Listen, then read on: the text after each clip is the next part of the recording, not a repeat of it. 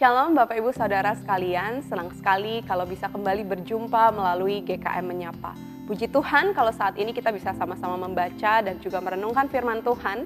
Saat ini saya mengajak kita semua untuk sama-sama merenungkan firman Tuhan yang terambil dari Mazmur pasalnya yang ke-114. Saya akan bacakan untuk kita semua demikian firman Tuhan. Pada waktu Israel keluar dari Mesir, kaum keturunan Yakub dari bangsa yang asing bahasanya, maka Yehuda menjadi tempat kudusnya, Israel wilayah kekuasaannya. Laut melihatnya lalu melarikan diri, sungai Yordan berbalik ke hulu, gunung-gunung melompat-lompat seperti domba jantan, dan bukit-bukit seperti anak domba. Ada apa, hai laut, sehingga engkau melarikan diri, hai sungai Yordan, sehingga engkau berbalik ke hulu. Hai gunung-gunung, sehingga kamu melompat-lompat seperti domba jantan. Hai bukit-bukit, sehingga kamu seperti anak domba.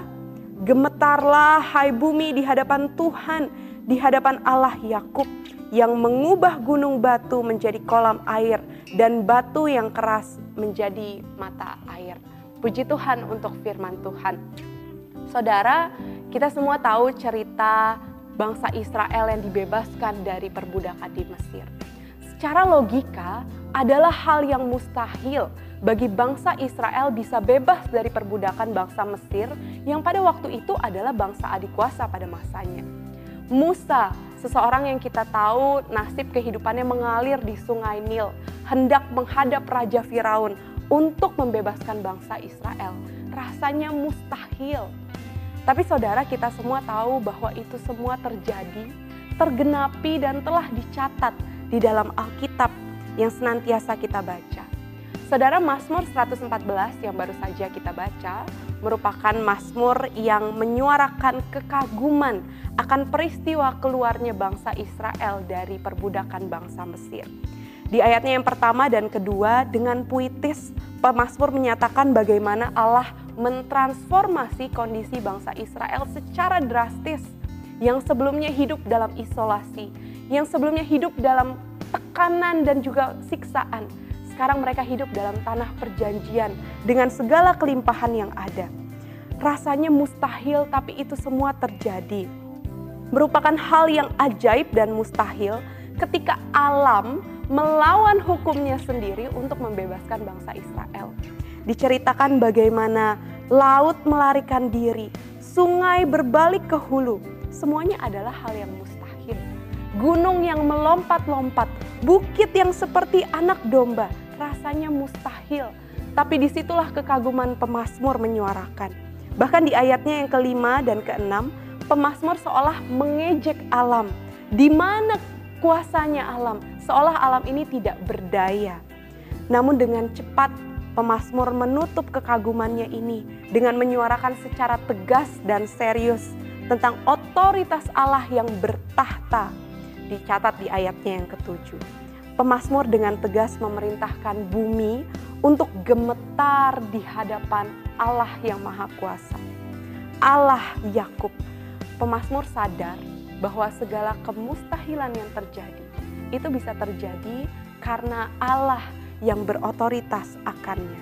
Karena tangan Allah yang menjadikan itu tidak lagi mustahil. Bapak Ibu Saudara, perjalanan keluar bangsa Israel dari Mesir ke tanah perjanjian itu senantiasa dirayakan setiap tahunnya oleh bangsa Yahudi. Kenapa? Karena perjalanan inilah yang menjadi identitas mereka sebagai umat yang dibebaskan dan dianugerahkan keselamatan. Maka setiap tahunnya mereka merayakan itu untuk senantiasa mengingatkan identitas mereka. Saudara, Allah yang membebaskan bangsa Israel juga adalah Allah yang membebaskan kita semua dari belenggu dosa. Jika bangsa Israel, jika bangsa Yahudi merayakan setiap tahunnya untuk mengingatkan identitasnya, demikian juga seharusnya kita merayakan kehidupan kita setiap harinya untuk terus mengingatkan kita semua bahwa identitas kita adalah umat yang telah dianugerahkan keselamatan daripada Allah. Saudara pemazmur di akhir kekagumannya itu menyuarakan bagaimana bumi seharusnya gemetar di hadapan Allah akan keajaibannya.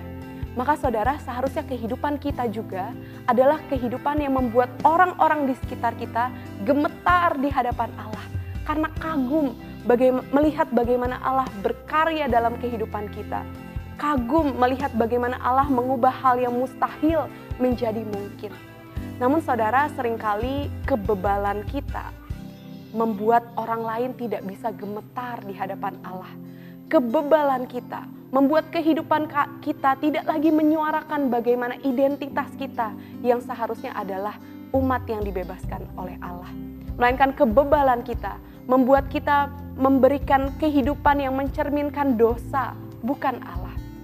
Saudara, Mazmur 114 ini mau mengajak kita semua untuk kembali mengagumi karya Allah dalam kehidupan kita dan tidak berhenti pada situ, melainkan mengajak kita untuk menjalani kehidupan yang juga membuat orang lain gemetar di hadapan Allah.